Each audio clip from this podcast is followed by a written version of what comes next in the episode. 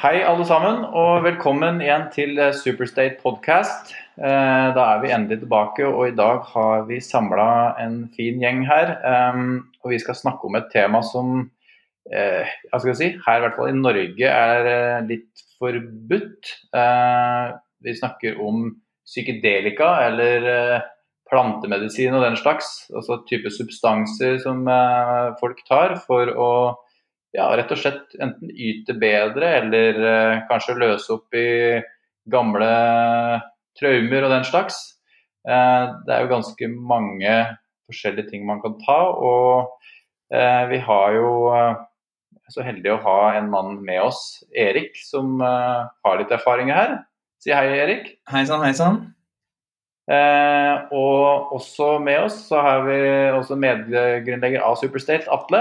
Hei, Atle. Hei, hei. hei.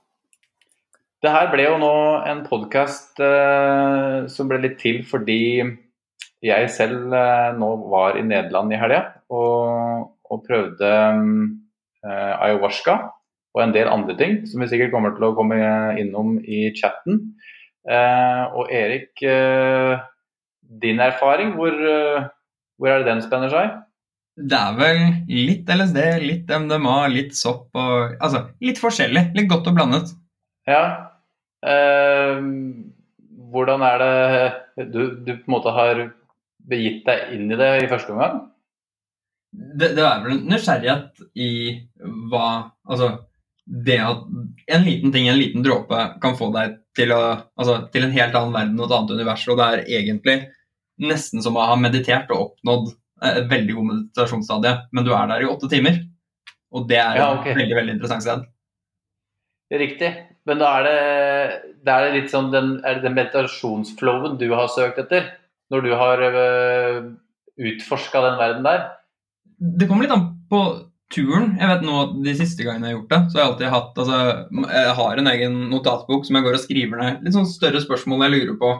Uh, Ah. Sånn, sånn at når du går inn i det, så har jeg en del spørsmål å gå på. At jeg, ikke, jeg setter ikke på en film og ser hva som skjer. Jeg går gjennom og tenker er dette altså, er det mennesker i livet mitt jeg ikke har gitt nok kjærlighet til i det siste? Er, det, uh, er man der man skal være? Føler jeg at jeg oppnår de stedene og de tankene jeg har lyst til å tenke? Altså, Gjør jeg ting riktig? Og av og til så trenger man litt dypere tanker enn å si ja eller nei. Da må man sitte og tenke på ting dypt, og dette er en veldig fin måte å ja, se på det litt dypt, og så får man litt mer sånn kjærlighet til verden.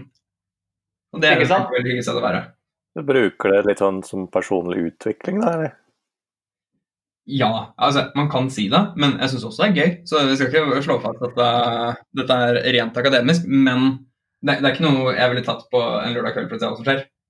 Det er planlagt og det er gjennomgått. og Hvis jeg føler at jeg ikke har lyst til å ta det den dagen, av diverse grunner, så, så venter jeg en måned. Altså, det, er ikke noe, det er ikke noe man må ta, for å si det sånn. Nei, det, så det er med andre ord en, en baktanke bak det. Altså, eh, hvis jeg kan bare komme og skyte inn det, så i denne verden her, hvor for folk som kanskje ikke har gjort nok eh, research på hva faktisk de stoffene her gjør, så er jo ikke det her hva som eh, Hva blir det for noe norske ord? Altså recreational. Det er, jo ikke, det er jo ikke akkurat bare for kosen sin del. Det er vel sjelden, i hvert fall det jeg opplevde i helga, så var det langt fra kos. Eh, så det er jo Sånn jeg har sett på det, så er det jo noe som hjelper å, og ja, rett og slett i selvutviklingen, som du brukte da, som eksempel, Atle. Um, men um, mens du, du, er, du, du bruker det også da mer aktivt, Erik, som jeg skjønner det, med hvordan du du, du, du ser på en måte, du reflekterer over livet, Ja, og så bruker du det som støttespiller. Mm, det, det er Ja. Og at man, man går inn med en viss uh, tanke. Altså man, man tar ikke bare for moro man, man går inn med en viss tanke og en viss uh, sinnsstilling for hva man har lyst til å gjøre og hva man har lyst til å oppnå. Og hvilke spørsmål man har lyst til å ta, selvfølgelig. Mm. Eh, jeg har litt lyst til bare å for min del dele litt eh, med bakgrunn her, fordi jeg vet eh, Eller det her har jo blitt et eh, si, et tema som begynner å bli ganske mer populært. Jeg vet ikke om dere føler det samme? Det, er jo, det snakkes jo mer om det her nå. Ja, jeg tror det er flere grunner til det. Det ene er jo um, altså, at det er mer undergrunn uh, synlig, men det er jo mer og mer forskning som nå begynner å bli lov igjen, som ble lagt ned på 60-tallet. Um, som nå Ja. begynner å tas opp igjen. Og du har jo nå hvor uh, var det Colorado, staten i USA, som nå har uh, dekriminalisert uh, sopp, f.eks. Um, og tatt det steget. Og du har um, det er vel, Portugal har jo dekriminalisert mye narkotika veldig lenge, og man har sett at det, eh, det var kanskje ikke de skadene uh, man trodde som skulle komme. Ikke at det ikke er noen fare med det, og det er fortsatt altså, Det er narkotiske stoffer, så det skal brukes og ses på deretter. Men at det ikke nødvendigvis er hasj til helvete. Er det nå vi skal skyte en liten disclaimer? At her eh, vi på en måte sier ikke begynn å utforske det her uten å ha skal si, litt baktanker ved det og en klarhet. Det er jo ikke Man skal ta de stoffene her ganske alvor, alvorlig. Um, så for de av dere som lytter nå bare tenker dette høres ut som en god idé, la meg bare få tak i det og så prøver jeg det. Uh, jeg for min del gjorde jo det her under en helt lukka seremoni med profesjonelle guider som uh, var med hele veien. Um, og du Erik er kanskje litt mer Hvordan er det du gjør det? Jeg er vel ikke så mye guider, men, men jeg har jo gjort veldig mye research på det. Um, og vet vel Altså, det blir feil å si vet, men har, har lest nok på hvordan andre har gjort det, hvilke spørsmål er det folk har gjort det, hvilke kulturer er det man behandler forskjellig, og dratt det derfra. Og altså, selvfølgelig vært, vært trygg hele veien. Men jeg tenker også, nå som vi har sagt at det er en disclaimer på at man vær ansvarlig, så kan vi også kjøre litt løs på å si at Ikke sant? Ikke dumt, men er. Ikke sant? Hva er egentlig spennende på stoffer her? Er, han, er det nootropics og smart drugs og sånn? Går det under det, eller blir det for Nei, for nootropics er jo ting som ikke nødvendigvis har negative effekter. på samme måte, altså det, er- det er koffein, f.eks. Altså, ja, det er negative effekter, men det er for å booste noe. og Du vil ikke Eller, vet du hva? Jeg skal motsi meg selv her. at Det er jo flere og flere uh, som driver med det som heter microdosing.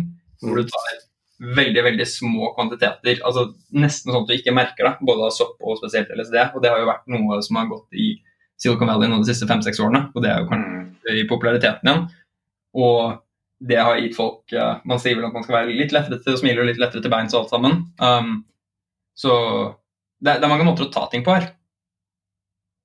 Ja, og man eh, hvis, jeg skal, hvis jeg hadde spurt tilbake eh, For meg, ja, kanskje bare 10 år, 10-20 år. Da. Jeg har jo vært faktisk en veldig sånn motstander. Jeg har bare fått den der inn i, med et eller annet som sikkert eh, standard eh, hvordan man skal tenke om den type stoffer. At dette er livsfarlig. Man blir hekta, man blir jo da havner sidelengs med en gang og på gata og plata og ikke sant.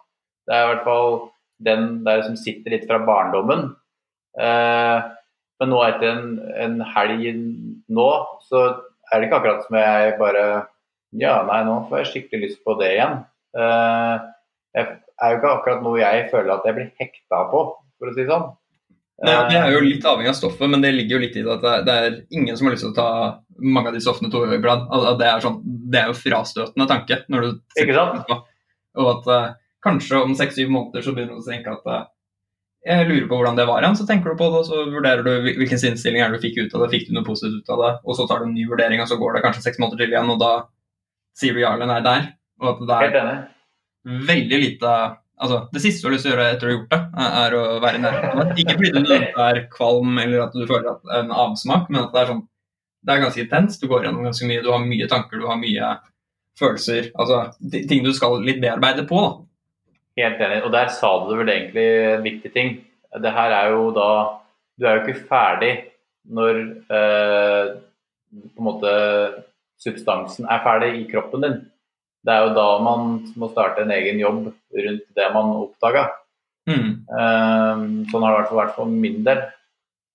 Eh, men du som lytter nå er litt si, ikke har eh, opplevd noe av det her, Atte. Hvordan høres det ut eh, når vi nå snakker litt om det? Hva, hva tenker du, som en litt på utsiden da?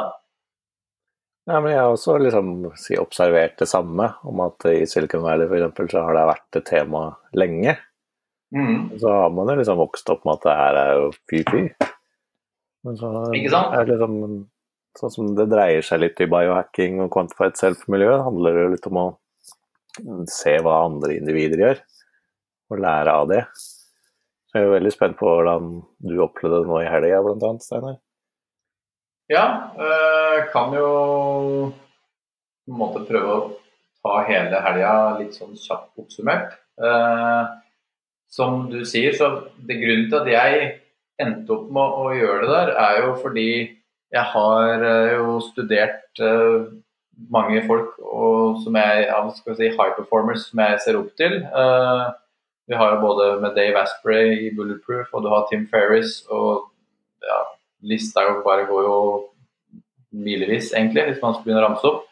Eh, men du ser at det er faktisk blitt en sånn De har gjort noe, til, noe innenfor det her, og det har løfta dem til et nytt nivå. Eh, og på min nå, jeg vil si seks-sju år hvor jeg har på en måte aktivt gått inn i å oppgradere meg selv, så er det noen aspekter hvor jeg ser at jeg ikke er i stand til å, å løse opp i floker som med bare rett og slett kalle den bevisstheten som jeg har. da. Og når jeg da kom over ayahuasca og begynte å lese om det, så begynte jeg å kjenne at her er det et eller annet som eh, eh vil kunne hjelpe meg. Og etter å ha liksom hatt det i bakhodet i ja, jeg tror faktisk et år i hvert fall, så, så bare kom det nå til i april hvor jeg bare Nei, nå, nå er det tid. Uh, og jeg var jo redd at jeg måtte til langt uh, over dammen til enten Costa Rica eller Peru eller noe der for å, for å få prøve det. Men det var jo da jeg fant en nettside hvor jeg fant ut at det var veldig mange faktisk i Europa som tilbød det. Og da er det jo særlig i Nederland, men også i Spania og sikkert i Portugal, som du nevnte, Erik. Da er det vel Jeg eh, vet ikke om du kjenner til det i forhold til ayahuasca i Portugal, men da virker det som de har legalisert kanskje det også? De har dekriminalisert um, all narkotika, stort sett. Dekriminalisert, ja, ikke, ikke, legalisert, men dekriminalisert. Ja. Så, men det ble Nederland for min del. Uh, men det her ble jo da faktisk en, en Viken-pakke. Uh, så jeg går jo fra å da ha ikke prøvd noen ting. Altså, jeg har ikke røyka en sigarett engang. Um, til å da gå rett inn i en, um, en, en helg med uh, to dager med ayahuasca. Uh, og uh, på søndag en runde med hva som vi kaller magic truffles. på lørdag fikk jeg også prøve Er det rapé, som det så fint heter? da? Uh, og en del annet skal si, snacks. Så det, det, var ganske spesielt å plutselig få full pakke. Uh, men det, det, etterpå så er jeg jo bare helt uh, jeg, jeg, sitter vel mer igjen med et slags wow. og at det faktisk gjorde det jeg hadde håpa på. kanskje ikke på den måten jeg trodde det skulle skje. Og det, hvis jeg skal da ta fredagen, så hele veien opp til fredagen, så har jo jeg det har jo gått og surra i bakhodet lenge. Eh, hvordan er det her kommer til å bli? Jeg har lest om det, jeg har lest opp andres historier, prata med venner som eh, har gjort det.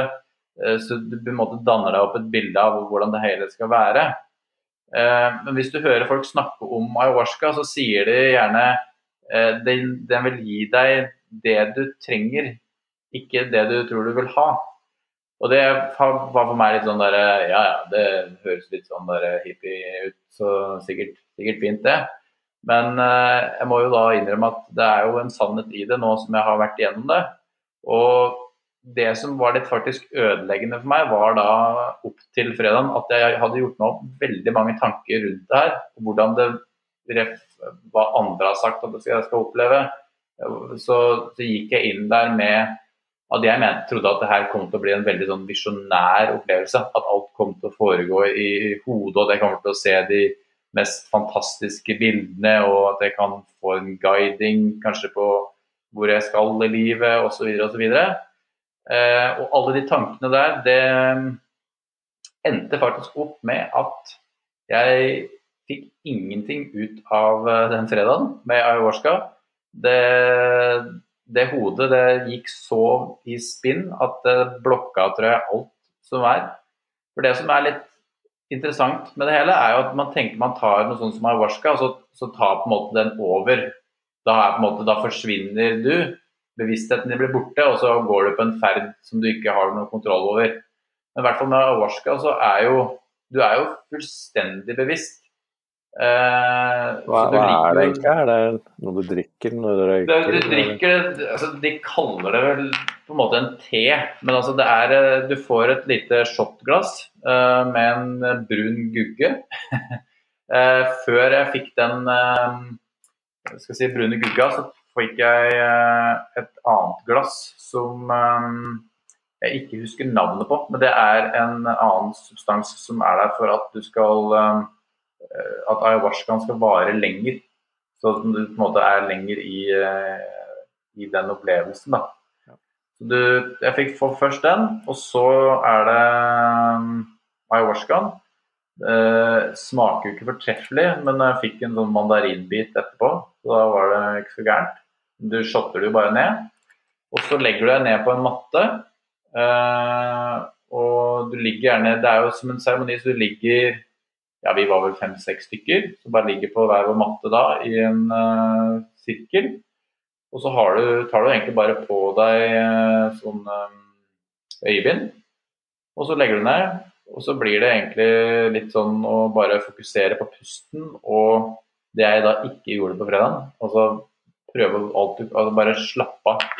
Ikke, ikke, ikke la Ikke prøve å kontrollere noe. Um, så for meg med min busy analytiske hjerne, så gikk jo det rett i fail mode på, på fredagen. Så jeg var jo faktisk ganske skuffa, eh, for å være ærlig, på fredagen. Eh, jeg husker jeg hadde jo med meg en journal og skrev ned at dette her var jo bare helt eh, håpløst. Um, men det var da jeg på lørdag, når jeg prata med guiden om det, så fikk jeg jo da forklart at det er jo ikke nødvendigvis at man kan, man får de, si, de visjonære opplevelsene, men at det også kan gå mer i kroppen. Og det viser seg for min del, da, så er det der det lå. Eh, så når jeg da på lørdag gikk gjennom det samme, så gikk jeg gjennom en ekstrem kroppslig eh, opplevelse.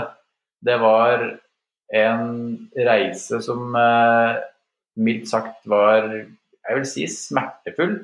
Det var som at eh, jeg lå der og kjentes ut som en, måte, en del av meg bare skulle dras ut av huden. Eh, så bare så, så det skulle ut vekk fra meg. Eh, men så deretter så, så, kom på en måte en annen, en, en ny person inn. Eh, og jeg følte meg på en måte hel igjen.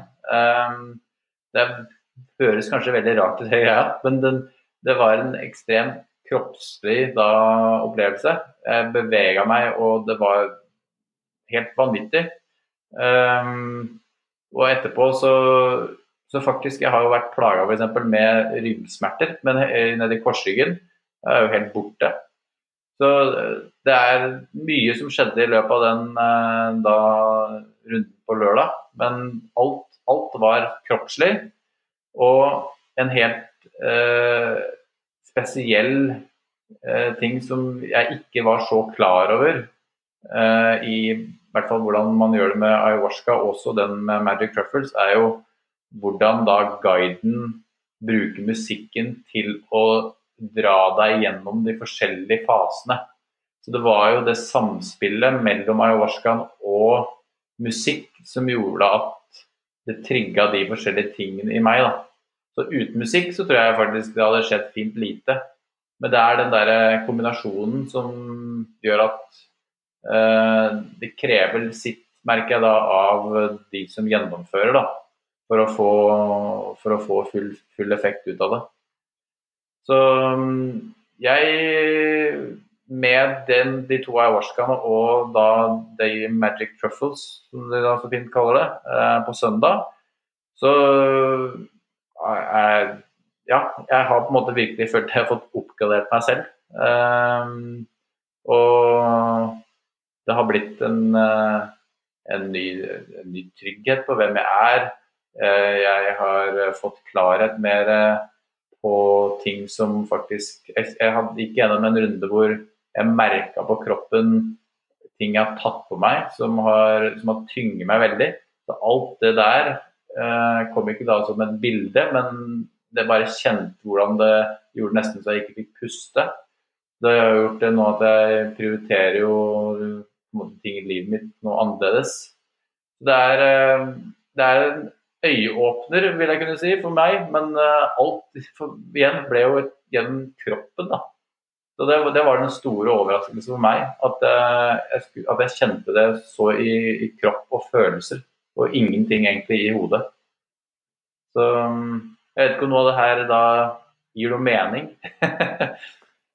Men uh, det, er, det, er, jo fire-fem timer hver dag da, i den der, uh, på en sånn reise. Ja. Hva skjer når du er ferdig med dagen? Er du liksom helt utslitt, eller er du full av energi, eller? Uh, på fredagen så, så, var jeg da var jeg, da var jeg sliten. Da vet jeg ikke helt hva som skjedde med tid. Fordi jeg trodde at jeg var bevisst, egentlig. Og jeg følte jeg var Jeg følte virkelig jeg var bevisst, men plutselig så kom guiden opp til meg. De hadde visstnok gått og sjekka meg ganske hyppig. Men da jeg da kom til full bevissthet, så hadde alle gått. Og jeg hadde jo ligget der alene i to timer, tror jeg. Da virka det som jeg bare trengte hvile. Uh, og så, når det kom til lørdag, så uh, Jeg følte jo en enorm styrke, rett og slett, da, uh, når jeg var ferdig. fordi da hadde jeg jo på en måte fått gammel drit ut av kroppen. Og på en måte Jeg, jeg sier det egentlig at jeg, det føltes litt ut som jeg ble født på ny. fordi det var så totalt flipp fra hva jeg gikk inn i hele helga som person. Så um, den uh, det, det, er jeg, jeg, sliter faktisk litt å finne ord på det, fordi det, det, er så total 180 i forhold til hvordan jeg husker at det var å være meg før jeg, dro, og hvordan jeg føler at det er nå. Det er, uh, og det er jo det er jo fortsatt det er det som blir litt sånn rart, for det er jo fortsatt meg. Det er jo fortsatt på en måte min stemme og alt som jeg Og jeg, jeg, eh, kjenner jo også på hvordan ego har jo ikke, har jo ikke, Det har ikke blitt borte, det. Men jeg har på en måte klart å også samtidig i forandringen uh, blitt mer klar over hvor det er, og når den, den er en, en del av meg på en helt annen måte litt sånn på utsiden lettere å kontrollere enn at det er før så var det en veldig sånn nesten kontinuerlig støy som kunne bare finne på for å si unnskyld ordtrykket faen hele tida. så, så det er Det var virkelig en sånn Ja, en helt uh, spesiell opplevelse. Som uh, for min del uh, Jeg kjente jo behov for det, og jeg dro. og jeg må vel også da si at det er det er viktig at man ser på det her ikke som sånn derre Ja, det høres interessant ut, så jeg vet ikke helt uh, Kjenner egentlig ikke at jeg har så mye behov for å få avklaring ennå, men jeg skal, skal, bare prøve det. Uh, jeg tror det er en type her eh, seremoni, så skal du du skal, du, du skal kjenne når du er klar. Og Det er noe jeg kan stå inne for å si nå også, og jeg, det jeg har sett andre som har gjort tilsvarende reiser, også sier etter at de er ferdig. For det her er jo ikke noe Det er langt fra noe, noe kos. Det er eh, Jeg husker så godt perioder i løpet av den seremonien med å bare For det blir litt sånn tatt opp og ned. Og jeg husker når jeg ble, var nede på noen av de, så var det sånn Jeg vet ikke om jeg klarer mer. Og så på en måte var det litt sånn der ut i lettelsen igjen. Og så satte det i gang igjen. Og jeg, da var det sånn pokker heller. Men så, så må du bare klare å stå i, da. Og pust og pust og pust, faktisk. Er det det kokte ned til meg. Jeg måtte jobbe virkelig med, med pusten for å, å, klare å komme meg gjennom hele greia. Så ja, frister det? det er, eh, det er hvert fall eh, det er, Jeg er nå i ettertid, og etter å ha opplevd det, så er jeg jeg er litt sånn som du sa, Erik. Eh, det er ikke noe jeg nå bare Å, nå er det helg igjen, så nå skal jeg glede meg til å ta litt ayahuasca. Um, det er, jeg, det er godt, jeg kjenner bare det er godt å ha et verktøy nå i skrinet mitt som gjør at når jeg kjenner jeg står overfor noe nytt, tungt eller noe som må bearbeides på et eller annet vis, så vet jeg at jeg har et verktøy faktisk for det som funker veldig godt. Mm. Uh, men jeg tviler jo på at det uh, vil være noe Det kan kanskje bli en sånn årlig sak. Uh, men ja. Men, men, men tenker du noen gang på noen andre? Altså på mennesker i livet ditt eller et eller annet sånt noe? Um, altså, ja, kan, jeg kan ta den også. Um, den mest uh, tydelige biten der, uh, og som jo faktisk er en av de utløsende faktum for hvorfor jeg dro. Fordi eh, det som fikk det til å bikke over meg, var at det, jeg har gått gjennom et samlivsbrudd. Og med når det på en måte ble Det ble på en måte bare Ja, det er det vi gjør. Så bare kjente jeg at nå, nå trenger jeg faktisk eh, noe som kan hjelpe meg igjen der. Jeg har lyst til å da få rydda opp i den bagasjen jeg kjente at jeg hadde. Uh, jeg, jeg orka ikke å bære den lenger. Da, bare, da følte jeg virkelig på den ayahuascaen kalte, og da, da ble det til at jeg booka den turen. Eh, men som sagt så fikk jeg litt mer enn det jeg ba om der. Så jeg fikk jo på den søndagen så fikk jeg den der, de trufflesa. Og den, eh, skal si, eh, reisen der kjentes Jeg var litt innom de samme elementene som under ayahuascaen. Men den guiden hadde jeg jo fortalt om hva jeg gikk igjennom. Så gjennom to sanger eh, på den eh, truffelsen, så klarte faktisk jeg å, å skal si eh, få aksept for hele um, bruddet. Det var, det var på en måte bare ja, litt vanskelig å beskrive. Fordi det bare gikk fra å være noe, en smerte som har, har uh, ligget og skal si uh, ja, ligget i hjertet og, og gnagd på meg. uh, til å bare være rent. Og det ble på en måte bare Jeg fant, et, jeg fant en plass heller i hjertet hvor alt som vi har hatt, var godt. Og det var ferdig. Og jeg var fornøyd med at det var ferdig, og jeg kunne se videre. Og den, den opplevelsen hadde Jeg kan ikke se for meg at jeg hadde klart å å få til det på, med en annen, skal si, min normale bevissthet. Eh, der jeg er redd eh, jeg nok hadde bare fortsatt å gnage på, på den smerten. Det, var, det, er vel noe av det mest eh, spesielle. Og da, da dukka jo eksen opp i det, og jeg på en måte sa farvel der. Og, og det gjorde bare at alt måte ble, ble rent, for å bruke det ordet, og, og ferdig. Det, det, er vel det, den personen som jeg fikk opp. Ja. Ellers så, så ble det mer eh, kroppslige ting. Og for å ta et annet eksempel jeg kom på nå, så var det faktisk Jeg kom i kontakt med et slags Altså med mer den eh, si, dyret i meg. Eh, så jeg, jeg var eh, både på årskamp og på truffles, så havna jeg litt i en slags en skog hvor jeg var en, en ble en, slags panter eller uh, leopard som rolig gikk gjennom skogen, litt sånn uh, behag, bedagelig, men, men, på jakt. Jeg kjente veldig på hvordan det der instinktet i meg eh, bare vokste og vokste og vokste som eh, Ja, det var litt sånn Du, kjente nesten at du fikk klør i hendene. Så også igjen jeg, jeg, det, det, slo veldig ut på kroppslige ting hos meg, da. Men eh, når på en måte det Jeg fikk det så i kroppen, så er det også noe som jeg merker har uh, Det er lettere for meg i hvert fall da å, å ha, bære det videre med meg nå når jeg er tilbake i skal si, the real life. da. Så det er lett for meg nå å litt sånn koble meg på den kraften igjen som jeg kjente på der nede. Så det Ja.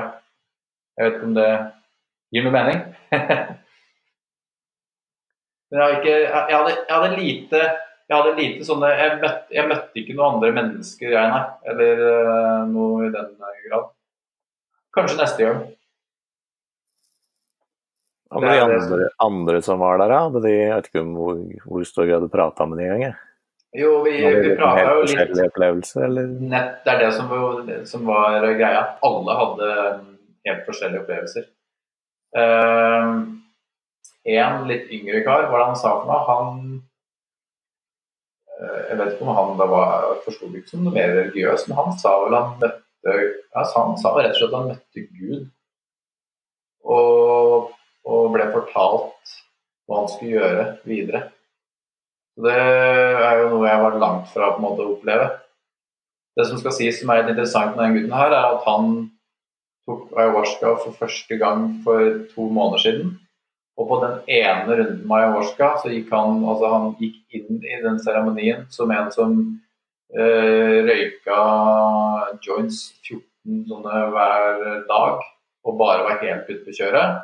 Til over da natta nær sagt med ayahuasca, så har han da ikke rørt det eller alkohol siden. Og Det er jo ganske spesielt, da. Hvordan på måte man har de der helt eh, flippendringer i mennesker bare på én runde med det her. Så, og de andre hadde Det var, det var gråt, og det var latter. Det var uh, noen som gikk gjennom veldig mye tungt uten at de kanskje De, de satt, sa det bare til meg at de For de så veldig nedlatt ut. Sånn, altså det var ikke sånn at de hadde hatt en satt igjen noe godt etterpå, men de, de fikk allikevel skjønte at det var en oppklaring i det hele allikevel. Da. Så alle fikk igjen det de trengte, og det gjør at alle da har helt forskjellige eh, opplevelser av det. Det, det er ikke noe tydeligvis noe mal her. Og det er jo, jeg, jeg syns det er ganske fascinerende at et sånt stoff bare åpner opp noe i deg som bare du trenger. Så ja. Det hva tenker du? Jeg var Det blir stille. Ja, men det blir litt sånn eh, tankefull, da.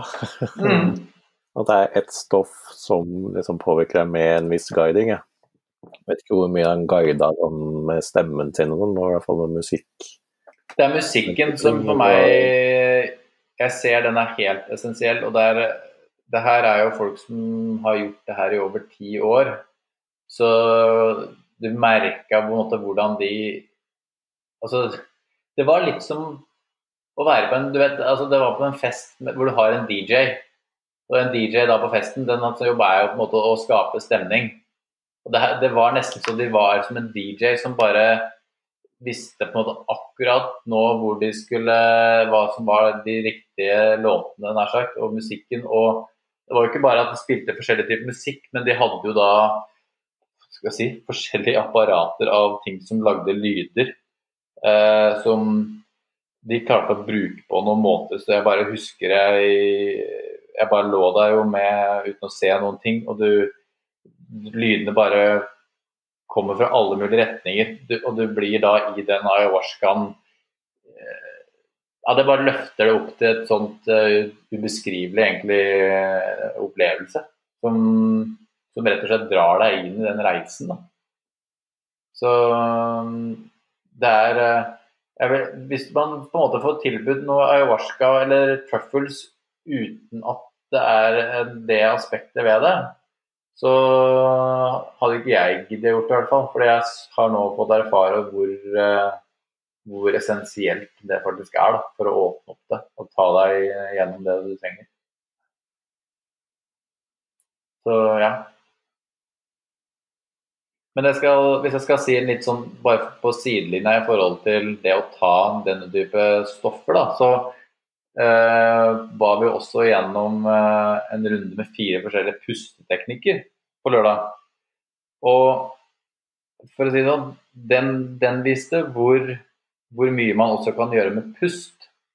For det var jo faktisk like tungt som det man fikk bearbeida gjennom ayahuasca og truffles. Eh, jeg husker jo fortsatt det lå der da og den, den sitringa i hele kroppen eh, når man var ferdig med alle teknikkene, var jo noen veldig Det var rett mildt sagt slitsomt. Eh, og det kan hende jeg skal få tak i de forskjellige pusteteknikkene, så kan vi sikkert dele på bloggen. Så får folk prøve. Men, Tenker du på? Hæ? Holotropisk? Altså, jeg vet ikke eh, det, var, det var en sånn De kalte det En av dem husker jeg var traumepusting. Eh, den, altså veldig sånn kjapp En var veldig sånn kjapp inn og ut. Med sånn Sånn. Eh, lenge. Og en annen som jeg husker, den er vel en var litt sånn blanding av for den har vel Dr. Andrew Beale har jo en sånn 4-7-8-pust, hvis dere er kanskje kjent med den. Hvor du tar eh, Du bruker bokseringa, du, det, det er noe jeg har laget. Uh, nett- Nettsiden min har jo en av de greiene. 4-7-8, Ja, ja. Ja. Meditasjonsguide. ikke sant? Så der har du jo Men da kjenner du kanskje til den, den pusteteknikken, med andre ord? Mm. Ja. Så den, den var en del av det. Og så var det jo to andre som jeg ikke helt husker farta. Fordi det var heldigvis da guiding gjennom hele greia. Så vi ble jo bare hele tiden beordret til hvilken teknikk vi skulle gjøre, og hvor lenge. Så jeg skal, si, jeg skal ikke si jeg mista bevisstheten, men det var fullt fokus rett og slett på å holde, holde orden på pusten. da. Men eh, den, den følelsen som ble skapt i kroppen etterpå, er jo, var nesten minst like sterk som det både ayahuascaen og truffelsen ga. Så vi sitter jo som mennesker på noen enorme krefter, bare vi klarer å trigge de. Eh, og da kan du trigge det med ayahuasca, du kan trigge med truffles, du kan trigge det med LSD, du kan trigge det med mange ting vi jeg gjerne vil høre du snakke litt om, Erik. Eh, men altså, du kan trigge det bare med å puste riktig. Så det, det er fascinerende. Ja, Merker du bare med bare sånn enkel Wim Hof-pusting hvordan det påvirker kroppen på ulike måter? Merker tror du, er det holotropic breathing eller noe det kalles? Som yeah. virkelig skal Ja. Det var jeg litt interessert i å prøve, faktisk. Fordi jeg har jo lest at uh, faren av LSD, det er han som har utvikla den holotropic breathing. Og han fant vel egentlig ut at den funka like bra som LSD. Nå skal du få lov til å arrestere meg, Erik, hvis du har uh, både prøvd eller lest noe annet. Men det er i hvert fall det jeg uh, mener det står faktisk i den Game Changer-boka til Dave Asprey. Det er nok det riktige, altså, hvis det er Albert Hoffman. Ja, Mm. det stemmer. Det er nok det riktig. Ja, Men du har ikke prøvd holotropic, eller? Jo, jeg prøvde det. Og det er, jo litt sånn der jeg, jeg føler vel at det er en blanding av Wim Hof og, um, og hyperventilering, e egentlig. Men, men du kommer jo dit. Men, men det er det jeg syns er spennende med en del av de stoffene som er sånn Litt sånn som meditering, så tror jeg det er veldig mange som sitter innendørs og soler seg. Altså du sitter bare stille og lukker øynene. Det, det har sin egen verdi, det. Men det å faktisk meditere og, og Ja, altså Når du har meditert veldig lenge i eh, altså, og hver eneste dag i en lengre periode, så merker du et helt annen sinnsstemning både når du mediterer og etterpå. Og det er noe Mm. med enkelte stoffer som gjør at det, du, du kan ikke benekte. Altså, hvis du tar en dose med et eller annet, så kan du ikke benekte det og si at nei, solmengden den kommer for deg, og den kommer og tar deg. Og nå må du være klar. Nå må du ha innstilt deg. for at det, ja, og det gjør det litt skummelt og litt spennende. Ikke sant? Du kan ikke gjemme deg for det. Nei. Det kommer, og du kommer til å tenke ting, du kommer til å føle ting, du kommer til å oppleve ting. Og du må ta stilling til det, og du må bearbeide det i ettertid. Og det er veldig spennende. Ikke sant? Men hva er det du Skal vi få høre litt. Hva, du, hva har du prøvd? Hva er det som har vært måte, mest interessant for deg? Altså, Hva, hva er det, du, har, du har tydeligvis ditt verktøyskrin. Hvordan bruker du det? Ja, ja, altså Jeg har vel prøvd litt av det meste, selvfølgelig mye man ikke har prøvd. Og jeg har ikke noe, noe mål om å prøve alt sammen. Men det jeg syns er mest givende, er ofte LSD fordi det er det varer lenge. øh, Og det er ofte sånn du tar en rolig fredag, f.eks. Uh, spiser godt, legger deg tidlig, alt mulig, står opp om morgenen. Så tar du uh, LSD-en, og så er du hele dagen. Jeg brukte det, og søndagen da f.eks. er helt rolig, ingen planer, ikke noen telefon. Bare helt rolig. Og ja, det er veldig interessant når du begynner å komme inn i det. og det, det å beskrive det å være på en tur er jo litt eh, Jeg tror det er han Michael Pollen som skrev i en bok som heter How to Change Your Mind, som kom på New York Times Bestseller i fjor, om hele psykedelika-bevegelsen og alt det greiene der. Ja. Det at Å beskrive en, en sånn tur er jo litt som å beskrive, beskrive en drøm.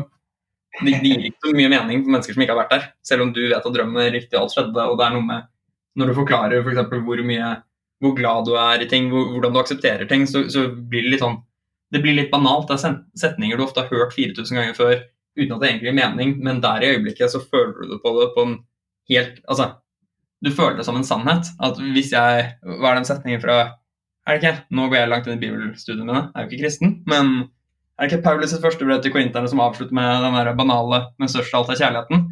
Og det er litt sånn Ja, altså OK, greit nok. Men når du er, når du er på tur og du er et annet sted, så er det Du føler det så sant som alt annet. Altså det er Ja, det er faktisk riktig. Dette er sannhet. Dette er Og den kjærligheten føler jeg til alle rundt meg. Alle mennesker, alle alt på jorden. Venner og hvis man har noen fiender, sikkert de òg. Og ja. Det er noe Mm. veldig unikt i det. Helt enig.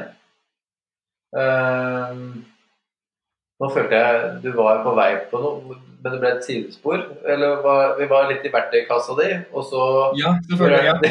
Eh, jeg som ble opptatt av Um, nei, altså Hvordan jeg bruker det som verktøy. Det er jo det at jeg, jeg kommer forberedt, uh, men jeg gjør det ikke noe satt intervall. Og, og Hvis jeg eksempel har satt av en helg, og jeg skal gjøre det, og jeg reist kanskje ut av byen, ut i skogen eller er hjemme, så er det ikke noe jeg, jeg har ikke noe fare for å avbryte da, hvis det skulle gå uh, Hvis jeg føler at Vet du hva, jeg er ikke helt der i dag. Jeg, jeg tror vi utsetter det. Og da er det kanskje utsatt en uke, seks måneder. altså Det er ikke noe er ikke noe mål sånn, men det er ofte sånn jeg merker at uh, det går en periode, gjerne seks måneder, hvor jeg merker at jeg jeg, jeg savner litt av den der afterglowen du får. da, At det er en forståelse og det er en aksept av ting. Litt sånn meditasjonsakseptering hvor du virkelig aksepterer hvordan ting er, hvordan verden er. og Ikke at du ikke kan endre det og ting er sånn for alltid, men at du har en veldig stor kjærlighet til å aksepte ting som man ofte glemmer av og til. Og litt som å se en gammel venn. Du, du merker at sånn, jeg savner jeg savner det synet på livet akkurat nå. Og da kan man gå inn dit og få lov til å være med på det, og så komme tilbake igjen og si at vet du, nå er jeg full av alt det gode igjen. Og du har bearbeidet verden som har skjedd i mellomtiden, og du får tenke dypt. og ja, Det er, det er en stor glede i det å faktisk kunne sette seg ned med tanker i åtte timer. Hvor, hvor ofte er det du gjør det noen gang i livet ditt? Om noen gang har gjort det? Godt poeng. Mm. Og om du trenger eh, noen stoffer for å gjøre det? Antageligvis ikke, men det hjelper. Og du, du kan ikke benekte det, du begynner ikke å kjede deg, du ikke Du går dypere og dypere og dypere, du åpner alle dørene. Mm. Men føler du med LSD at, er, at, du har, at du er der i bevisstheten mens Ja, du, du er 100 deg selv. Altså sånn, du, du er helt klar. Det er ikke sånn som alkohol, hvor hvis du drikker eh, et par pils, så er du litt sånn da blir du sjangrete og du er ikke helt med. Nei, du, du er veldig alert. Du er en blanding av sånn meditasjon og flow state. Og det er veldig intenst. Du føler alt veldig klart, men, men du er helt deg selv. Altså, det er ikke noe sånn som hvis man noen gang skulle, jeg ville aldri gjort det, men drukket seks, syv, åtte pils på en kveld. Og du går ut fra det. Du er aldri der. Du, du ser ting, og du kan ha litt farger som er litt uh, flytende inni hverandre. Så det det er visuelt, men det er ikke Altså, Hvis ingen hadde sett på bildene, så kunne du fint stått på en åpen gate og ingen hadde merket det. Ikke sant? Men det betyr at øh, for deg så har det alltid vært øh, visuelt. Du har, LSD-en har aldri gitt deg noe mer i kroppen? Jo, Følelser? jo, det har vært kroppslig også. Ja, det har det? Ok. Mm. Ja, og, og det er litt sånn som du sier, det varierer litt fra gang til gang. Det varierer litt hva man, hva man fokuserer på. Og det er vel som i alle ting i verden, at uh, man ser ting der man uh, eh, har lommelykten. Og hvis du fokuserer på ting, så, så er det der ting skjer. Men det er hovedsakelig mentalt, men det er vel også fordi jeg liker å tenke på ting. Og, og at jeg kommer inn med spørsmål, ikke sant, og så tenker skal det dette? For eksempel før jeg valgte en ny jobb i fjor, så var det sånn Ok, hva, hva er det jeg skal se for meg å gjøre her? Hva, hva gleder jeg meg til? Hva er det jeg gruer meg til? Hvordan er det jeg skal stille meg inn på dette her og, og være flinkest mulig? da, Både for meg selv og for jobben. Og det, det fant du? Altså, man, man vet jo aldri om man finner ting. Nei. Det er jo Følelser, regner jeg med? Altså, du Ja, ikke sant? Ja, men jeg følte jeg kom inn med en veldig mye klarere intensjon om hva jeg hadde lyst til å gjøre, hva jeg hadde lyst til å oppnå, øh, og litt på framtiden hvordan man skal stille seg en ting. For jeg hoppet jo fra en litt mer frilans-bakgrunn til noen litt mer 9-5. Og det er en stor omveltning for en fyr som øh, aldri har skjønt leggetid øh, for nå. Uh, har ikke skjønt det ennå, men jeg klarer i hvert fall å maskerere sånn. og altså, det høres jo veldig flytende ut, men ja, ja, man kommer innom man får, liksom, man, man får bestemt seg for ting mer, man aksepterer det, og man sier ja, vet du, det, det er greit, vi klarer det her. Og, og så er det noe med den derre Igjen, det høres veldig banalt ut, men det er, man får en veldig stor kjærlighet til vennene sine. Og tenker at uh, sånn Ja, den personen er faktisk veldig viktig for meg. Jeg har lyst til å prioritere og bruke mer tid med dem. Jeg har lyst til å Ja. Det, det vennskapet her er veldig viktig. Og det å kunne sette pris på det og bruke tid på det, er noe, noe som er trist at man ikke gjør oftere. Altså, Tenk på deg selv hvor mange venn, gode venner og familievenner du har som ikke nødvendigvis bruker tid til å tenke gode, varme tanker på, sånn at du neste gang du ser dem, så bruker du tiden enda bedre og er enda mer fokusert på å være med de i det øyeblikket som er. Ikke sant. Du er ikke redd, Mm, er ikke redd da, når du skal prøve noe nytt. Du driver jo research selvfølgelig i stor grad, men det er jo tross alt noe man putter i seg og kan ikke garantere utfallet, på en måte. Nei, og, og der er det jo uh, et par ting man kan gjøre. Altså, man, man kan skaffe sånne testekit, uh, selvfølgelig, eller gjøre sånn som uh, Steinar gjorde, og, og gå til et uh, trykksted. Uh, og sånn, det, og du kan skaffe deg testekit for å passe på at ting er riktig. Og, men, men det er et par ting sånn som sopp ser ut som sopp. Det er ikke noe Det er, det er ikke pilleform. LSD er en lapp. Så det, det er ikke noe altså, Og ja, det, det finnes dårlige versjoner av det, og du må ha en viss stol på, stol på ting, og du må Altså, ingenting er helt trygt, men det er litt sånn Man tilbakekaller på nær, nærbutikken også. Uten at jeg ville satt det helt ved siden av hverandre. Men det er en risk, ja. Og det er jo fortsatt narkotisk også, det er dobbelt opp med risk der. Men for meg så har det vært veldig verdt det. Um, og jeg vil ikke, ja, vil ikke gjort det på nytt igjen. Men jeg tror du spør Steinar også at det er kanskje en av de større tingene du har gjort i livet ditt. Altså sånn, det er et markert datoskille, den datoen du gjorde det, før og etter. Ja, jeg sier jo at eh, jeg føles som jeg har blitt født på ny. Så eh, man må jo kunne si det, da. At det her går jo inn i historiebøkene. Ehm, så jeg eh, Jeg må i hvert fall kunne si at jeg hadde ikke gjort ville valgt å, ikke gjort det her nå. Ehm, og jeg putter det her eh, da inn i Jeg har jo mye rart i verktøyskrinet mitt, men ehm, det her kommer til å være absolutt en av de tingene som jeg kommer til å bruke igjen. Um, ikke, jeg vil veldig presisere at det er ikke noe jeg vil bruke igjen som en sånn easy fix for å, nå, å, nå var jeg litt deppa. Ah, ok, vi drar til Nederland. Uh, men mer at det er noe som vil kunne hjelpe i når det er de, store tingene uh, som må bearbeides. da.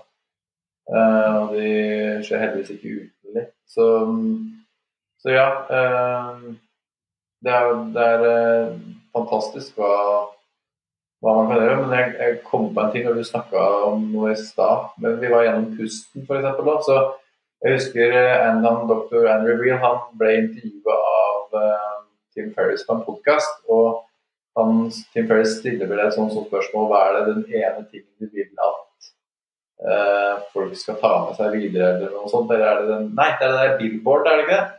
Hvordan er det hvordan sier man, Hvis du skulle kunne putte en ting på et billboard et eller annet sted i verden, hva skulle det stå? Jeg tror han Andrew Wheel sier noe sånt som eh, 'Everything good is inside of you'. Med det at eh, vi har jo alt i oss, men vi trenger jo da, enten om det er en terapeut, eller om det er stoff, eller om det er pusteteknikk, eller om det er en nootropic, eller Altså det er disse triggerne som fins jo da et hav av forskjellig, men det er gjerne de man trenger for å komme inn i det som man alle har i seg. Og, og det er det som jeg er så glad for at jeg nå kjenner på kroppen mer og mer. Altså den kraften som vi jo da har i oss, da. Som du, man kan, må bare komme inn under overflata og komme i kontakt med. Og når du begynner ned å komme ned det, så er jo det Ja, det Jeg lever jo, føler jeg nå, et helt annet liv. Jeg ser på verden annerledes, jeg føler meg annerledes. Eh, bevisstheten er rett og slett annerledes. Og jeg skjønner ikke hvorfor jeg ikke kunne nær sagt levd sånn før. Jeg føler liksom at jeg har nådd Jeg har tatt heisen opp et par hakk, da. Eh, og det kjennes godt. Høres sikkert flåsete ut, men Kjenner du deg igjen i dag, Erik? Ja, jo, mye av det. Så spørsmålet nå er vel når Atle skal ringe sjaman Durek og få seg en runde.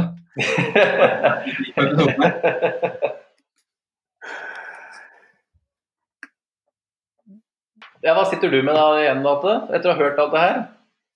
Skremt? Nysgjerrig? Høres det helt eh, ja, koko loko ut? Nei, men eh, det høres jo litt ut som det kan være et veldig viktig verktøy hvis man har Hvis det er noe stort, da. Man liksom må få, få rydda opp i på en eller annen grunn. Jeg er helt enig. jeg sitter og tenker nå. Ja, det er eh, Det er jo for min del så er det jo noe jeg, jeg har kjent på i siden Ja, det må ha vært gud vet hvor lenge. Og jeg har jo vært igjennom noen eh, skal si, tre- Treffet noen vegger på min vei, og både hatt både kreft og jeg har jo diabetes, og de tingene der eh, ser jo jeg veldig mer nå altså, Jeg har selv erfart egentlig hvor mye faktisk sykdom som det også er tilknytta det emosjonelle. Eh, og da kan man jo igjen lage en ny podkast om hvordan eh, folk som Bruce Lipton og sånn snakker om hvordan man faktisk eh, med hodet kan skape sånne store endringer i, i kroppen. Både som placebo og nocebo. Så du har jo da de positive tingene, men du er jo like god i stand til å lage de negative tingene i kroppen. Og, og de har jeg fått føle på virkelig har satt seg der. Og eh, med ayahuasca-turen så fikk jeg virkelig da løst opp i mye av det. Jeg er ikke på en måte ferdig og 100 skal si, eh, frisk, for å si det mildt, men eh, det er jeg er, mye lenger på vei enn jeg føler noe annen behandling jeg har vært igjennom de siste seks-sju årene har gitt meg. Så det er litt morsomt å på en måte en helg, og så har jeg gått til alt mulig rart av forskjellige typer behandling i seks-sju år. så det var eh, Det fins tydeligvis noen ting i hvert fall som for meg hadde, er litt eh, eh, bedre, da. Selv om det da er enda mer intenst. Jeg har jo ikke følt på noe så intenst på noen heller av de andre typer behandlingene jeg har vært igjennom de seks-sju årene her, da. Men ja, jeg tror du skal ha Det sa jeg vel også tidligere, men eh, du, du drar ikke her bare for at du syns det høres litt interessant og gøy ut. Du drar på det fordi du, du kjenner det, og du har et eller annet i deg som du som trengs som du trenger hjelp til, rett og slett. da. Ja, det høres ut som det er litt sånn mindset bak det òg, som du har merka opp gjennom årene har hatt stor betydning. Du virka, når du dro liksom den turen, så hadde du på en måte på forhånd bestemt at dette her skulle være en endring. Ganske sånn markant skille i livet. Ja, og det er jo det er litt interessant. Jeg har jo reflektert på det etterpå. på måte, Er det her, er det her på en måte bare en, da, en placebo også? At jeg hadde jo så klar intensjon at det her skulle løse noe for meg. Så måte er det, er det det som da løste alt? At jeg hadde det, og at egentlig ikke ayahuascaen gjorde noen ting, men at det hele var min eh, måte intensjon og bevissthet rundt det. Da, da blir det jo kan man jo virkelig spinne av gårde. Men eh, jeg har jo eh, prøvd selv med på en måte de samme intensjonene på andre typer behandlingsmåter. Eh, alt fra type meditasjoner til pust osv. Men jeg har jo ikke kommet dit. Jeg har eh, følt jeg kom gjennom den eh, runden her med ayahuasca. Så det er jo det er noe her med det stoffet. Det kan jeg vel med ganske stor sikkerhet si. Og det er virka som du også, Erik, har lest nok til å kunne si at mange av de stoffene her har jo nå nok av forskning bak seg til at det er, det er jo fakta. Ja, det skjer jo veldig mye der, og det er det som blir spennende å se framover. Når uh, noen kanskje laster ned denne episoden om et år. at du har jo, I Norge så har du vel Emma-stiftelsen som driver med forskning på MDMA, og det har begynt å bli lovlig uh, mange mange steder nå innenfor forskningsøyemed, men på mennesker. Hvor de går gjennom uh, altså, tar det som en terapitime, men man tar MDMA og ser hva skjer der. Og alle funnene så langt har vært veldig lovende. Men ja, det er narkotika. Så Jeg, jeg bare faktisk sånn vi har jo, Det her var jo en veldig hyggelig prat som har faktisk gått på en liten lengre stund enn det vi hadde tenkt at det skulle gjøre. Men jeg, jeg, jeg personlig blir eh, nysgjerrig, for jeg har hørt ordet MD, det er MDMA, ikke sant? mm. Eh, hva er det? oh. Um, Nå er, er vel ikke jeg kvalifisert til å gå ned på det helt uh, basiske på det, men, men det er jo det som også er uh, Andre navn er ecstasy, uh, selv om ecstasy er også blant med noe annet. Um, men det, dette er et kjemikalie, ikke, ikke et naturprodukt. Som Ja, er- riktig. Mm. Men det gjøres det faktisk forskning på nå, til bruk i behandling. Mm. I flere land, og Norge har Emma-stiftelsen, som uh, gjør litt arbeid der. Ja. Men ser man da og Nå spør jeg et spørsmål som jeg vet ikke om du kan svare på. Men eh, er det da som man Da har du MDMA, du har jo LSD, du har jo Ja, du kan vel faktisk ta ren DMT eh, også. Eh, er det på en måte Er det litt sånn, er det litt sånn samme ulla her? Eller er det klare forskjeller på det her? Vet du noe om det? Um, det er jo klare forskjeller på hvordan det er laget, syntesert. Ja, men effekten Ja, forbruken er forskjellig. For DMT er jo 15-20 minutter tur. Uh, MDMA er fire timer uh, og har en veldig hard comedown. Um, og LSD er åtte timer, uh, og kanskje litt mer avhengig av hvordan du bruker det. Så det er helt klare forskjeller sånn, men uh, Og litt effekten er, er noe forskjellig, men, men det er jo fortsatt i den samme uh, narkotikafamilien. Det er helt klart. Ja. Men Og, og var det Men kanskje var det var litt nysgjerrig på, var det uh, bearbeida? Hvis, hvis det er et godt nok ord? Oh, ja, den er vanskelig, for det er jo litt sånn som du snakket om tidligere, at uh, i, i din session med fem-seks personer, så føler alle noe helt forskjellig. Um, så det er vanskelig å generalisere ut ifra det.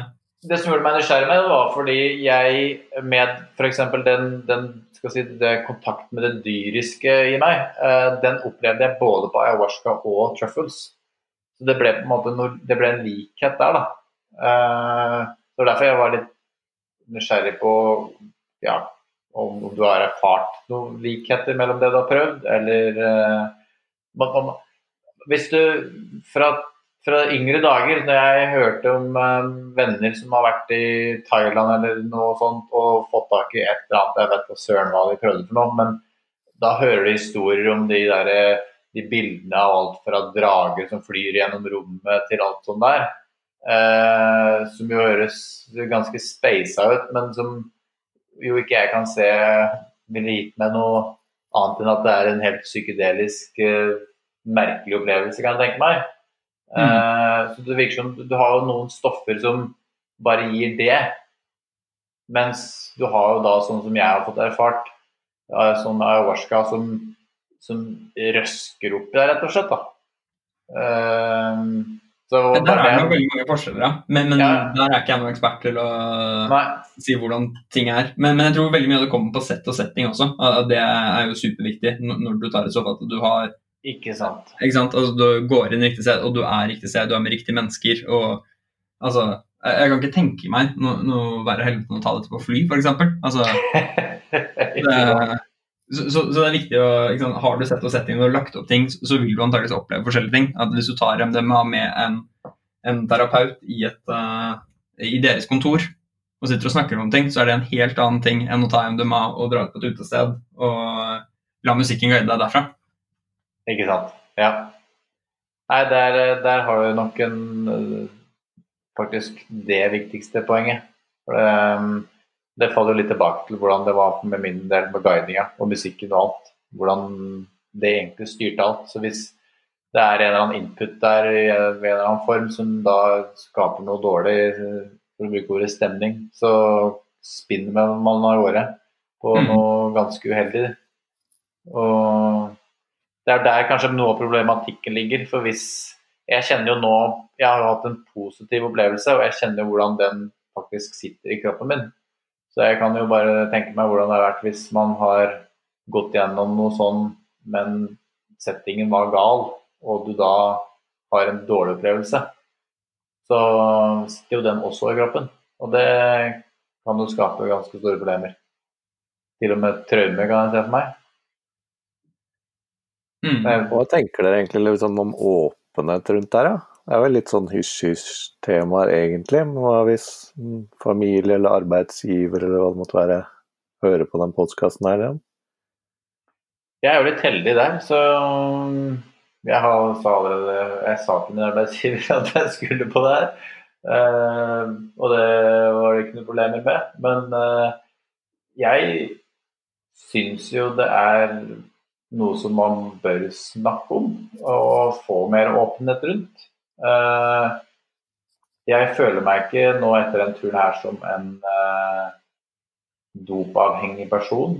Eh, jeg ser også at de som jeg var på tur med, og som har flere av de hadde gjort det fire-fem ganger. Det her var jo høyst altså, oppegående mennesker. Eh, som også gjennom de eh, rundene med ayahuasca har gjort store forandringer i livet sitt, som jo da bare har gagna dem. Det, det, en gjenganger er rett og slett at de har fått et løft. da. De har fått et, en innsikt som bare har gjort dem i stand til å, å ta noen store begrep i livet. Og rett og slett altså, det, det gir deg vel, sånn jeg ser det nå for min del, det gir deg en større sannsynlighet for å eh, styre livet ditt i en retning som i hvert fall for min del da vil sikre meg at jeg får et godt liv. For å bruke så, noe så enkelt som det. Det er jo det, er det ikke det som er litt nøkkelen her, da? så at vi har et godt liv, og at vi gjør noe godt for andre. Det er litt sånn tilbake hva du føler på, Erik, med den, altså, det er faktisk bry seg om venner, om familie. Hvordan er det du møter opp for andre? Det her er en av de tingene som jo det her hjelper på. da. Mm. Men, men det er jo noe med åpenheten at det er jo ikke noe Jeg går ikke i batikklær og Nei, nei, ikke sant? Men eh, det er det er ikke nødvendigvis en hemmelighet heller. Men eh, det er ikke noe jeg har tatt fram rundt uh, julemiddagsbordet. Men uh, venner vet det, og hvis det er en samtale, så er det ikke noe nødvendigvis noe problem med sånn som å snakke om det. Men jeg ville aldri anbefalt det til noen andre heller. Jeg ville aldri sittet nå, nå prøver vi i helgen, så ser vi hvordan det går. Nei, ta tiden din, se hva som skjer. Hvis du føler at det er riktig for deg, så er det riktig for deg. Gjør det trygt, gjør det bra. Så Mm. så, så går nok ting bra. Men jeg kan ikke garantere noe. Jeg har ikke lyst til å gi deg noe. Jeg, kan gjerne gi deg noe lesestoff, og sånne ting, og så kan du ta din egen avgjørelse. Men, men ta den på god informasjon. Gjør research på det. Og ja, altså, jeg anbefaler ingenting. Det er ikke noe, nødvendigvis noe mer ekspert. Les litt på det og sånne ting. Men ja, altså, jeg, jeg har ikke noe problem med å åpne om det. For altså Ulovlig? Ja, men og, og så. Det er veldig mye som er ulovlig. Uh, og det betyr ikke nødvendigvis at, um, at det er ulovlig uh, herfra til månen. Altså, man ser jo allerede nå uh, mange tendenser til at uh, ting blir mer og mer legalisert på verdensbasis. Og ja, jeg vet at det høres litt sånn anarkistisk ut å ikke henge seg opp i sånne ting, men jeg har blitt en bedre person av det. Og er, er det ikke det Altså hvis du skal si, hvis du skal ta stilling til hvis du åpner om det, da, da blir det et juridisk spørsmål, så er det sånn Jeg er blitt en bedre person, og er det ikke det samfunnet egentlig vil ha? Skal du straffe noen for å ha føle at de har blitt en bedre person og vært mer glad i de som er rundt dem, så ja. Da har vi litt uh, forskjellige verdier. Ikke sant. Jeg, jeg kunne ikke vært mer enig. Og, det, og jeg vil også si at det her er jo Jeg håper de som lytter på det her, at det her ikke er noe sånt som skal pushe at nå må man prøve det her. Eh, Og for min del så har jo det her vært en prosess som har pågått ganske lenge før jeg gjorde valget. Så det er jo nøye overveid eh, og med skal si, side opp og side ned med både lesing og lytting på podkast og det som er. Så, og, og folk jeg kjenner, har heller aldri da pusha det på meg. Så det har blitt en veldig sånn ting som har grodd på meg mer. Eh, så eh, ja, jeg repeterer hva andre har sagt til meg. Du kjenner når, er, når du er klar. Og det var vel det du sa egentlig, Erik. Mm. Jeg syns jeg var noen gode avsluttende ord, jeg. Ja, ikke sant? Ja. Bra. Nei, men da får jeg håpe vi har eh, gitt litt innsikt i det temaet her. Um, og hvis det er noe som uh, det kan være interessant å høre mer om, så er det jo bare å gi oss en beskjed. Uh, her er jo noe av mange temaer vi syns er interessant å snakke om. Og Erik skal vi ha med oss uh, på flere episoder fremover, for han har ikke bare innsikt på det her, men mye om det å rett og slett oppgradere seg selv og, og biohacking. Så jeg gleder meg til å ha deg her igjen, Erik. Det var veldig hyggelig å prate med deg nå. Jo, takk for at du ville komme. Så snakkes vi snart igjen. Det gjør vi. Og takk til deg, Atle. Håper du har blitt litt klokere, eller har vi skremt vettet av deg? jeg har blitt klokere. Det er bra. Men da takker jeg så mye for praten, og så snakkes vi igjen. Ha en fin uh, kveld. Ha det bra. Ha det bra. Hei, hei.